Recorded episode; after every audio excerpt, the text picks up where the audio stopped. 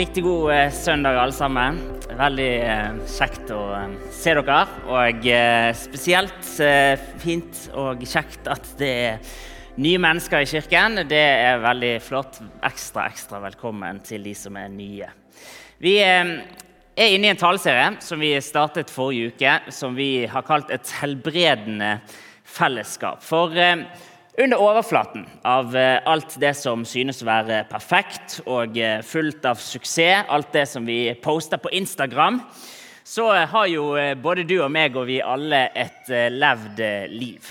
Og livet det er jo ikke bare positivt, og det er heller ikke bare negativt, men det er fullt av begge deler. Det har både innfridde forventninger og skuffelser. Det har både sår og helbredelse. Det har både sorg og glede. Men så er det jo sånn at det som ofte skjer i de vanskelige periodene i livet, det er at vi isolerer oss, og så glir vi bort fra fellesskapet når vi kanskje trenger fellesskapet som aller mest. Så I denne serien Et helbredende fellesskap så skal vi derfor snakke litt om hvordan kan vi hjelpe hverandre som et fellesskap eh, og leve i Guds nærvær og i fellesskap med hverandre og i de periodene av livet som er utfordrende. Forrige uke så introduserte Chris denne tegningen som kommer bak meg her nå. Eh, og Det han sa, det er at i eh, våre indre liv så kan vi se for oss at det er to rom. Det første rommet det er åndens rom. Det er der hvor eh, Gud ved sitt nærvær får forme oss ved at Den hellige ånd taler til oss og leder eh, oss. Det andre rommet det er det som vi kanskje kan kalle vår syndige natur. Det er rommet der all vår skuffelse er smerte, avvisning, sår, skam, skyld, uoppfylte lengsler. Og Målet for den som eh, tror, det er å leve i det første rommet, i Guds nærvær. Men så vet jo vi alle sammen at eh, alt, dette, alt, som er i dette andre rommet, det tar jo veldig fort all vår fokus, all vår eh, energi.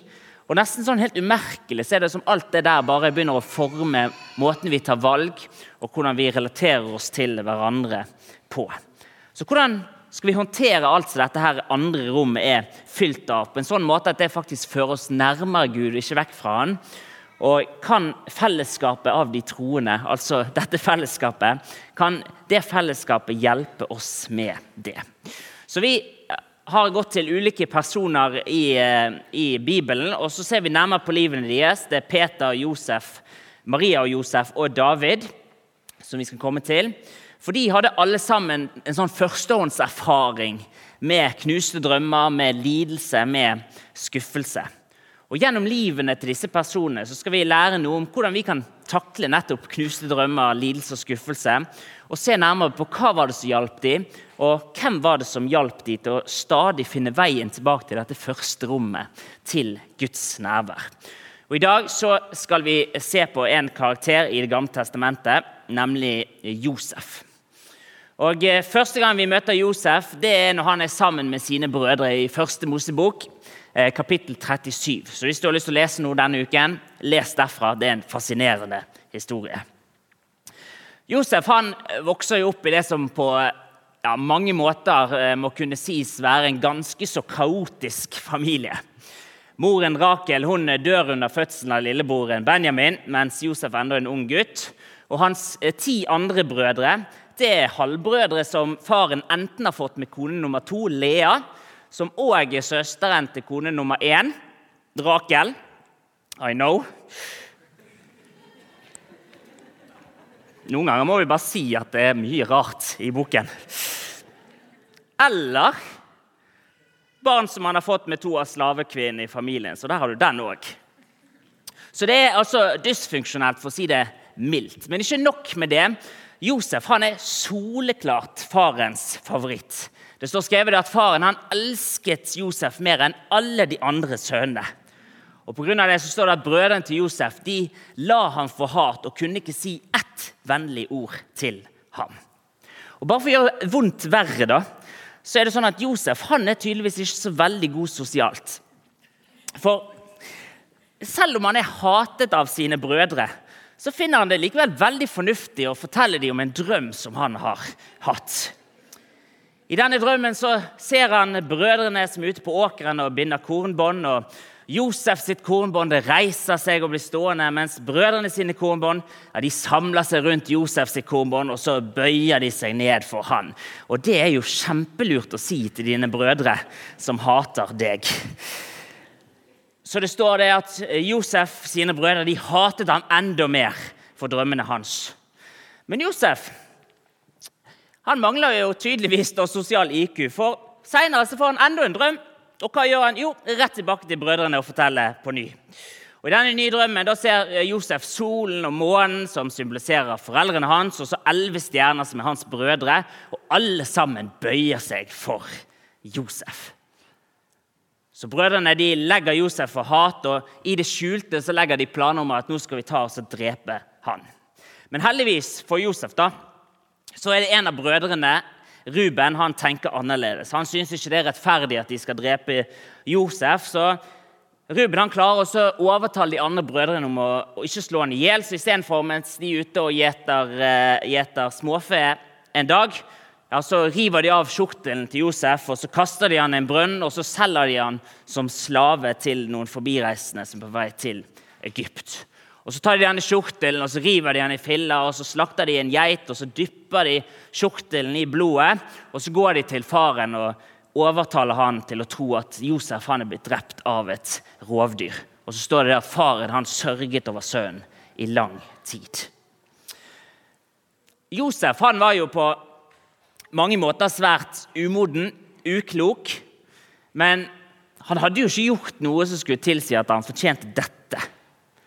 Ikke var det hans skyld at han var farens favoritt. og Selv om han kanskje hadde lite kurs i liksom, sosialisering, så skulle vel kanskje ikke en sånn litt skrytete drøm være nok til å bli solgt til slaveri av dine egne brødre.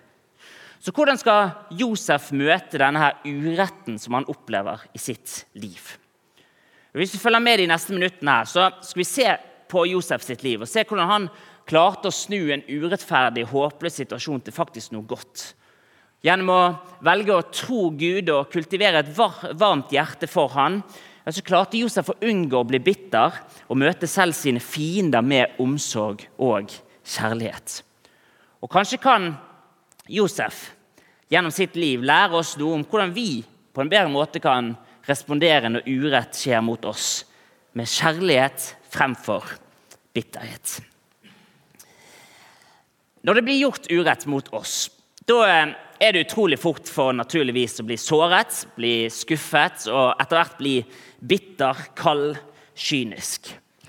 Når vi havner i situasjoner i livet der vi må ta konsekvensen av noe som vi sjøl ikke har skyld i, så er det vanskelig å håndtere de følelsene både i møte med oss sjøl og med hverandre, men kanskje aller mest i møte med Gud. For hvis Gud virkelig er den han sier han er, han er allmektig til å gripe inn i enhver urettferdig situasjon. Og han er så god at han bare ønsker oss det beste. Ja, Hvorfor gjør han da ingenting når urett rammer? Det må jo bety at han enten ikke er allmektig og på den måten ikke Gud, eller at han ikke er den gode guden han utgir seg for å være, men han er en ondskapsfull gud som vil oss vondt. Filosof eh, J.L. Mackey han skriver i sin bok 'The Miracle of Theism' at eh, hvis en god, allmektig Gud eksisterer, så vil han ikke kunne tillate meningsløs ondskap i verden. Men fordi det er så mye urettferdig meningsløs ondskap i verden, så kan ikke den tradisjonelle, gode og allmektige guden eksistere.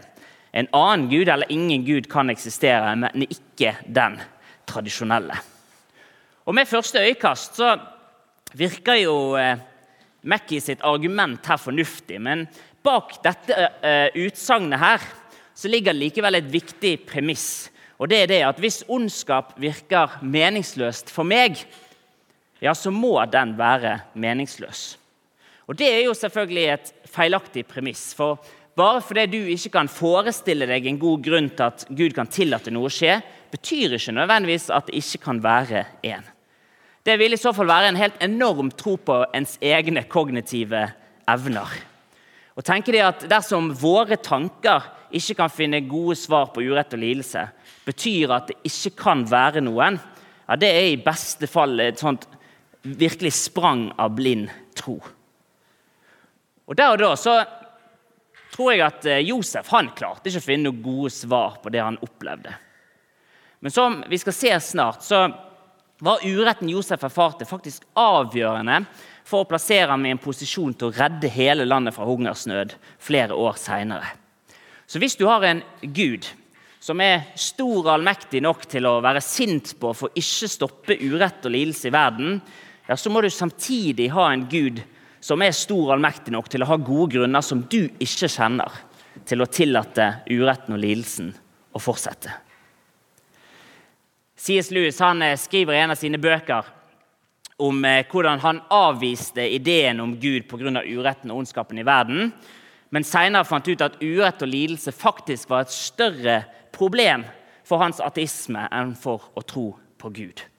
Han skriver dette at mitt argument mot Gud var at universet virket så ondskapsfullt og urettferdig. Men hvor hadde jeg fått disse ideene om rettferdighet og urett? Hva sammenlignet jeg universet med når jeg kalte det urettferdig? Jeg kunne selvfølgelig gitt opp ideen om rettferdighet ved å si at det ikke var annet enn min egen personlige preferanse. Men hvis jeg gjorde det, så ville mitt argument mot Gud også falle bort. For argumentet var avhengig av å si at verden virkelig var urettferdig, og ikke bare at uretten ikke tilfredsstilte mine personlige preferanser. Følgelig viser ateisme seg å være for enkelt. For hvis du er sikker på at denne verden den er urettferdig og fylt med ondskap, ja, så antar du òg samtidig at det fins en overnaturlig standard å dømme etter. Og Det er derfor en feilslutning, selv om det er en forståelig slutning, å tenke at hvis du avviser troen på Gud, ja, så blir det enklere å håndtere urett og lidelse i livet. Men selv om urett og lidelse ikke logisk sett kan avvise ideen om Gud, så eh, betyr ikke det at det gjør urett og lidelse noe enklere å håndtere i livet. Så hva var det som gjorde Josef så annerledes? Hva var det som gjorde at han klarte å møte urett og lidelse uten å bli bitter og kynisk, men å bevare et varmt hjerte for Gud og for andre? Josef han eh, blir etter hvert ført ned til Egypt. så Han blir kjøpt av en egypter som heter Potifar. Og Jeg syns det er et fint navn. Og eh, Han viser seg å være hoffmann, og han er sjef for livvaktene hos eh, farao. Så det er en høyt oppe i systemet her. Og eh, I et lite øyeblikk der så ser det ut som at nå går alt rett vei, endelig, for Josef. Potifar han legger merke til alt dette gode som eh, Josef får til, og han får frem av Josef til å bli hans personlige tjener. Etter hvert så får han ansvar for å styre hele husholdningen. og Potifar gir han etter hvert myndighet til å styre både huset og alt som han eier. Men så var det bare ett problem. da. Det står det i teksten at Josef han var velskapt og vakker. Og Det er tydeligvis både en velsignelse og en forbannelse. For eh, etter en stund så kan vi lese at Herrens kone, altså Potifars kone, kastet sine øyne på ham. 'Ligg med meg', sa hun. Altså, hun var iallfall ikke utydelig på hva hun ville. Hun, Potifars kone, det skal hun ha. Ja. Men Josef han var annerledes. Han eh, ville for det første ikke gjøre den uretten mot Potifar. Og han ville heller ikke synde mot Gud. Så selv om Potifars eh, kone fortsetter å insistere, så nekter Josef å ligge med henne. Men hun gir seg ikke så lett, denne Potifars kone. Så en dag det er kun de to i huset, så griper hun tak i kappen til Josef og så sier hun 'ligg med meg'. Men Josef han nekter, og så løper han naken ut av huset og lar kappen bli igjen i hendene på henne.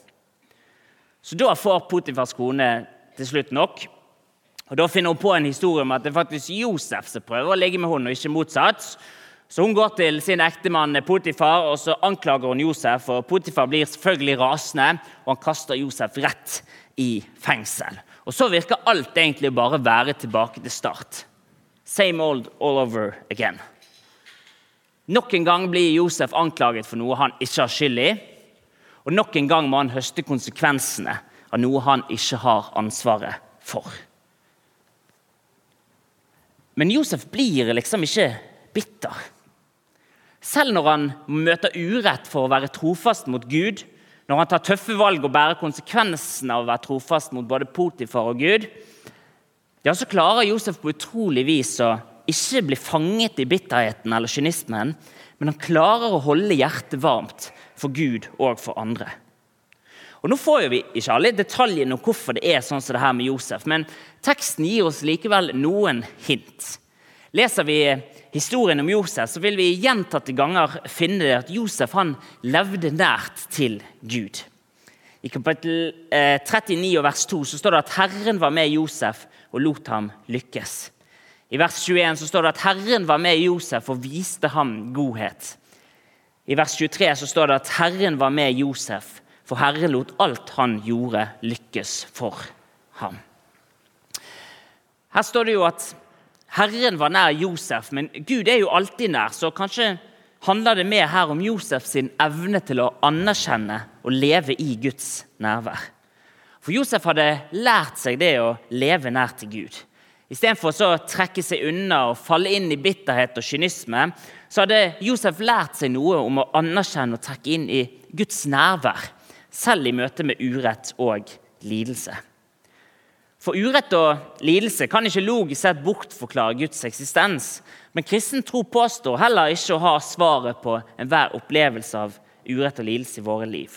Men det som gjør troen på Jesus unik, er at han gir ikke bare en forklaringsmodell for hvorfor urett og lidelse er en del av vår verden, men det gir også dype ressurser til å møte urett og lidelse med håp og mot fremfor bitterhet og kynisme. For Det som gjør kristen tro annerledes enn alle andre religioner, er at den hevder at Gud ble fullt ut et menneske i Kristus. Og Derfor har han førstehånds kjennskap til smerte, til avvisning, til ensomhet, til urett, til fattigdom og til sorg. Men så gikk han enda lenger enn menneskelig smerte og lidelse. For Jesus sin død var annerledes enn alle andre sin død. Han gjennomgikk forferdelig tortur, ja, og han led en grusom og smertefull død. ja, Men det har vært martyrer før Jesus, og det har vært martyrer etter Jesus. Men på korset så erfarte Jesus å bli forlatt av Gud sjøl. Og Ved å dø i vårt sted så tok Gud sjøl oppgjøret med konsekvensen av vår synd slik at han en dag kan gjøre slutt på all urett og ondskap uten å gjøre slutt på oss. Så hvorfor tillater en god Gud urett og lidelse? Ja, Hvis vi ser til korset, så har vi fortsatt ikke svaret. Men det, vi vet hva det ikke er. Det kan ikke være det at han ikke elsker oss. Det kan ikke være det at han er likegyldig eller frakoblet vår virkelighet. For Gud han tar vår urett vår lidelse så på alvor at han var villig til å ta det på seg sjøl. Det betyr at for den som tror, så kan man oppleve en dyp trøst og styrke i møte med den brutale virkeligheten som livet noen ganger er. For vi vet at vi lider ikke alene, men Gud han lider sammen med oss. Men så tror jeg at du og meg vi trenger mer enn å vite at eh, Gud er med oss i vår lidelse. Vi trenger også håp om at eh, lidelsen den er ikke forgjeves. For Jesus han kom ikke bare for å dø på et kors, men han kom for å overvinne døden ved å stå opp fra de døde tredje dag. Og Bibelen lærer oss at den fremtiden Jesus kaller oss til og kom for å gi oss, det er ikke et sånt immaterielt paradis eller noen rosa skyer vi skal danse rundt på. Men fremtiden det er en ny himmel, en ny jord. Johannes' åpenbaring 21 sier det sånn at se, Guds bolig er hos menneskene. Han skal bo hos dem, og de skal være hans folk. Og Gud selv skal være hos dem. Han skal være deres Gud. Han skal tørke bort hvert tåre fra deres øyne, og døden skal ikke være mer.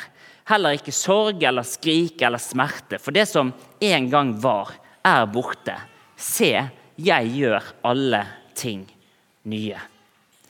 For det bibelske synet på oppstandelsen er ikke en fremtid som er en slags sånn trøst for alt som var galt med livet, men det er en gjenopprettelse av det livet som du alltid har ønsket deg.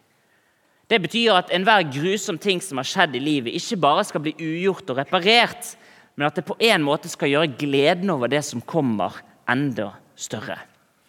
C.S. Lewis han sa det sånn at de sier om midlertidig lidelse at ingen fremtidig lykke kan gjøre opp for det uten å vite at himmelen når den er nådd, vil jobbe bakover og gjøre selv den dypeste smerte til en evig herlighet. For i Jesus har ikke vi bare en forklaringsmodell på urett og lidelse, men vi har dype ressurser til å møte urett og lidelse med håp og mot. Jesus han ble fullt ut et menneske og døde for oss, som betyr at han går med oss i vår lidelse. Og så overvant han døden ved å stå opp fra de døde. Og Det betyr at vi kan ha håp til at han en dag vil gjøre ende på lidelsen for godt. Tilbake til fengselet. Josef han eh, sitter eh, fengslet for noe han ikke har gjort. Men han lar ikke bitterheten ta overgrep. Istedenfor så legger eh, fengselsbestyreren der merke til alt det gode Josef får til. Så han lar han bli forfremmet til å ta hånd om alle fangene og til å styre over alt som må gjøres i fengselet. Etter hvert så kommer det to nye fanger i fengselet. Det viser seg å være overmunnskjenken og bakermesteren til farao. De er kastet i fengsel etter å fornærmet han. Så bare passer seg. En dag så eh, får de hver sin drøm, disse to, som ikke de forstår. Josef han eh, hjelper de å tyde drømmene sine, og en lang historie gjort kort, så får munnskjenken jobben tilbake hos farao. To år seinere får far òg en drøm som han ikke sjøl forstår. Og Når munnskjenken da får høre om eh, denne drømmen, så forteller han far om at han var i fengsel og eh, Der var det en mann som het Josef, og han kan tyde drømmer. Så farao han kaller på Josef, og Josef får muligheten til å tyde faraos drøm. Og I drømmen så ser farao sju feite og fine kuer. De stiger opp fra elven Nilen og de begynner å beite i sivet. Og Så går det litt tid, og så kommer det syv andre kuer opp fra elven. De er stygge og magre, og de spiser opp de feite og fine kuene. Og så I drømmen så ser far òg sju kornaks. De vokser eh, på strå, de er fulle og gode. Men etter de så vokser det opp sju andre kornaks. De er tørre og tynne. Og de tynne aksene de sluker de sju gode. Og Josef forteller farao at dette handler om at det skal komme syv år med overflod i hele Egypt, etterfulgt av syv år med hungersnød og krise. Og Josef gir dem derfor rådet at de må legge en plan for hvordan skal du sikre avlingen i de gode årene for å kunne håndtere hungersnøden. Og Farao alle tjenerne hans de synes så godt om disse rådene som Josef gir, så han utnevnes faktisk da til å styre over hele faraos hus. og Han gis myndighet til å styre landet. og På det eh, viset så er Josef plutselig blitt en slags statsminister i Egypt. Og Det viser jo at Josefs tydning er rett. De syv første årene er det overflod, og Josef han beordrer at det skal bygges store lagerhus i hver by. og I hver by så samles det inn korn i så store mengder at Josef bare han gir opp å holde tellingen. Og I løpet av det første året der så får Josef to sønner. og I navngivningen av disse sønnene så får vi også et innblikk i Josef sitt hjerte og perspektiv på den uretten som han har gjennomgått. Det står det i kapittel 41, vers 51 at den førstefødte kalte han Manasse. Det betyr på hebraisk 'å glemme'. For Gud har latt meg glemme alt mitt strev og hele min fars hus. Og Den andre kalte han Efraim, som på hebraisk betyr å gjøre fruktbar. For Gud har gjort meg fruktbar i det landet der jeg ble plaget. Josef klarte altså å anerkjenne både uretten som hadde blitt begått han, og samtidig anerkjenne hvordan Gud velsignet han i den nye tilværelsen. Han klarte altså å holde sammen det som på mange måter virker som motsetninger. Så tar til slutt de syv gode årene slutt, og de syv årene med hungersnød starter. og Josef han beordrer at nå skal lagrene åpnes og kornet skal selges. og Hele verden står det, kommer til Egypt for å kjøpe korn av Josef. Og Jakob, Josef sin far, når han får vite at det er korn til salgs i Egypt, så sender han ti av sønnene sine, med unntak av den yngste, Benjamin, til Egypt for å kjøpe korn, helt uvitende om at Josef er i live, og helt uvitende om at han har blitt statsminister. Brødrene de kommer til Egypt, og Josef han kjenner de umiddelbart igjen. Men brødrene de kjenner ikke igjen Josef, så Josef har en bestemmelse for at nå skal sette dem på en liten prøve. Så Han beordrer dem til å reise hjem for å hente sin yngste bror, mens en av brødrene blir eh, holdt igjen i forvaring. Så De andre brødrene de reiser tilbake og så henter de sin yngste bror Benjamin og så vender de tilbake til Egypt. Men når brødrene kommer til Josef med den yngste broren Benjamin, da, da klarer ikke Josef lenger å skjule hvem han er. Så Han ber at nå må alle forlate rommet unntatt mine brødre. Og Så bryter han ut i gråt og så sier han, 'Jeg er Josef, deres bror, som dere solgte til Egypt.' Og Hadde jeg vært en av brødrene her, da hadde jeg vært livredd. Men så var det noe annerledes med Josef. For Istedenfor å bruke det han kunne gjort, all sin makt, all sin posisjon til å ta hevn, så beroliger han heller brødrene. Så sier han, vær nå ikke nedslått, og anklag ikke dere selv fordi dere solgte meg. Det var for å berge liv at Gud sendte meg foran dere. Altså Bare tenk på alt det grusomme. All den uretten som disse brødrene hadde utsatt Josef for. Men Likevel så klarte han jo ikke bare tilgi men til og med på en måte legge en slags mening inn i alt dette vonde som han hadde opplevd. Så Josef han ber de om å reise hjem og hente eh, deres far og resten av familien. Og så skaffer han de eiendom og arbeid og mat, sånn at de kan ha et godt liv gjennom hungersnøden i Egypt. Så går det en tid, og faren til Josef han blir etter hvert syk. og Til slutt så dør Josef sin far. og da blir jo brødrene igjen forståelig nok ganske nervøse for at Josef nå skal liksom bli hevnlysten. Så De sender bud på Josef og så sier de, før han eh, døde, påla din far oss at vi skulle si deg dette. Kjære, tilgi eh, brødrene dine den uretten de gjorde da de syndet og handlet ondt mot deg. Tilgi nå uretten som er gjort av oss som tjener din fars Gud. Og så står det at Josef han gråt når de snakket sånn til han. Og så sier han til dem at vær ikke redde. Er jeg i Guds sted? Dere tenkte å gjøre ondt mot meg, men Gud tenkte det til det gode, for han vil gi liv til et stort folk, slik vi ser i dag. Så vær ikke redde, jeg skal sørge for dere og barna deres. Og slik trøstet han dem og talte til hjertet deres.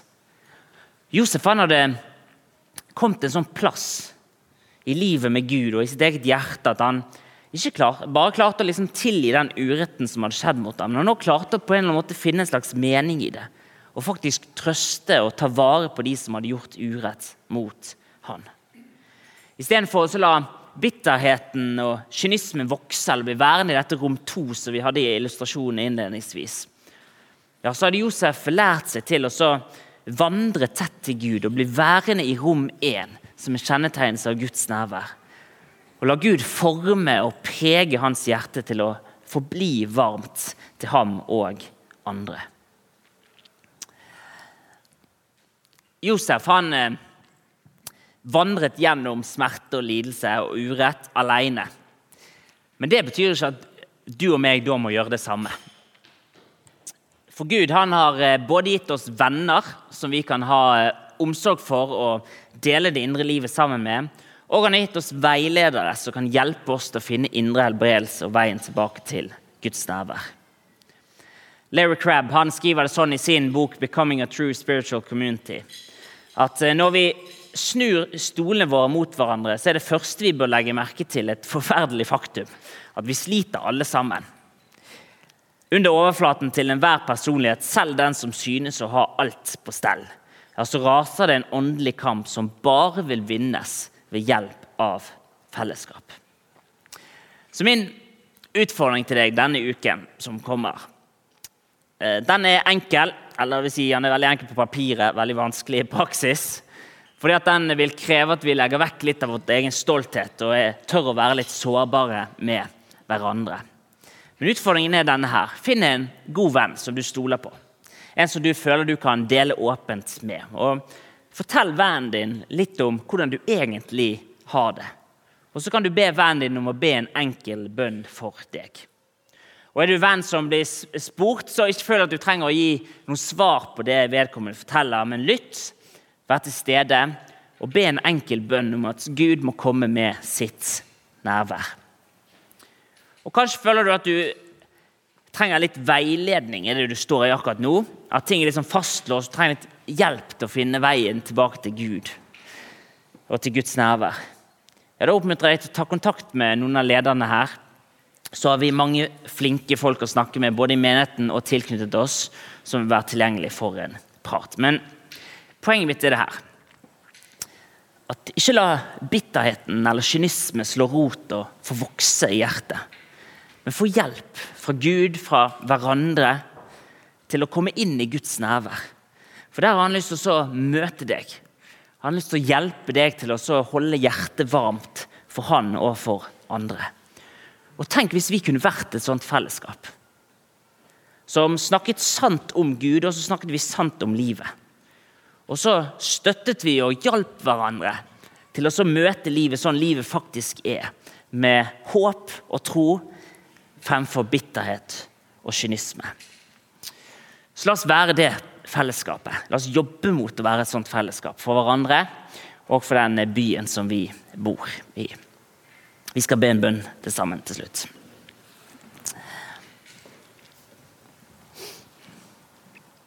Vi takker deg, Jesus, for eh,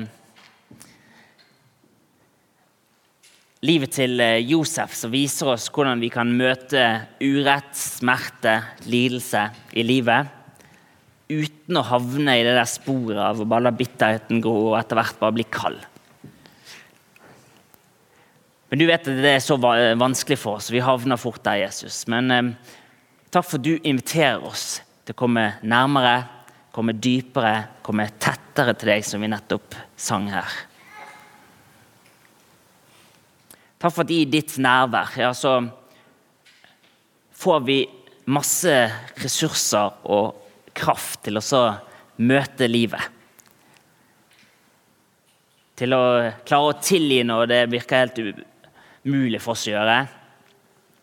Til å klare å vise omsorg når det er vanskelig. Til å klare å elske hverandre når det er krevende. Så har vi alt det vi trenger i deg, Jesus, fordi at du vet hvordan det er å være oss. Og du går sammen med oss i vår lidelse. Og så gir det oss også samtidig håp og tro for en bedre fremtid.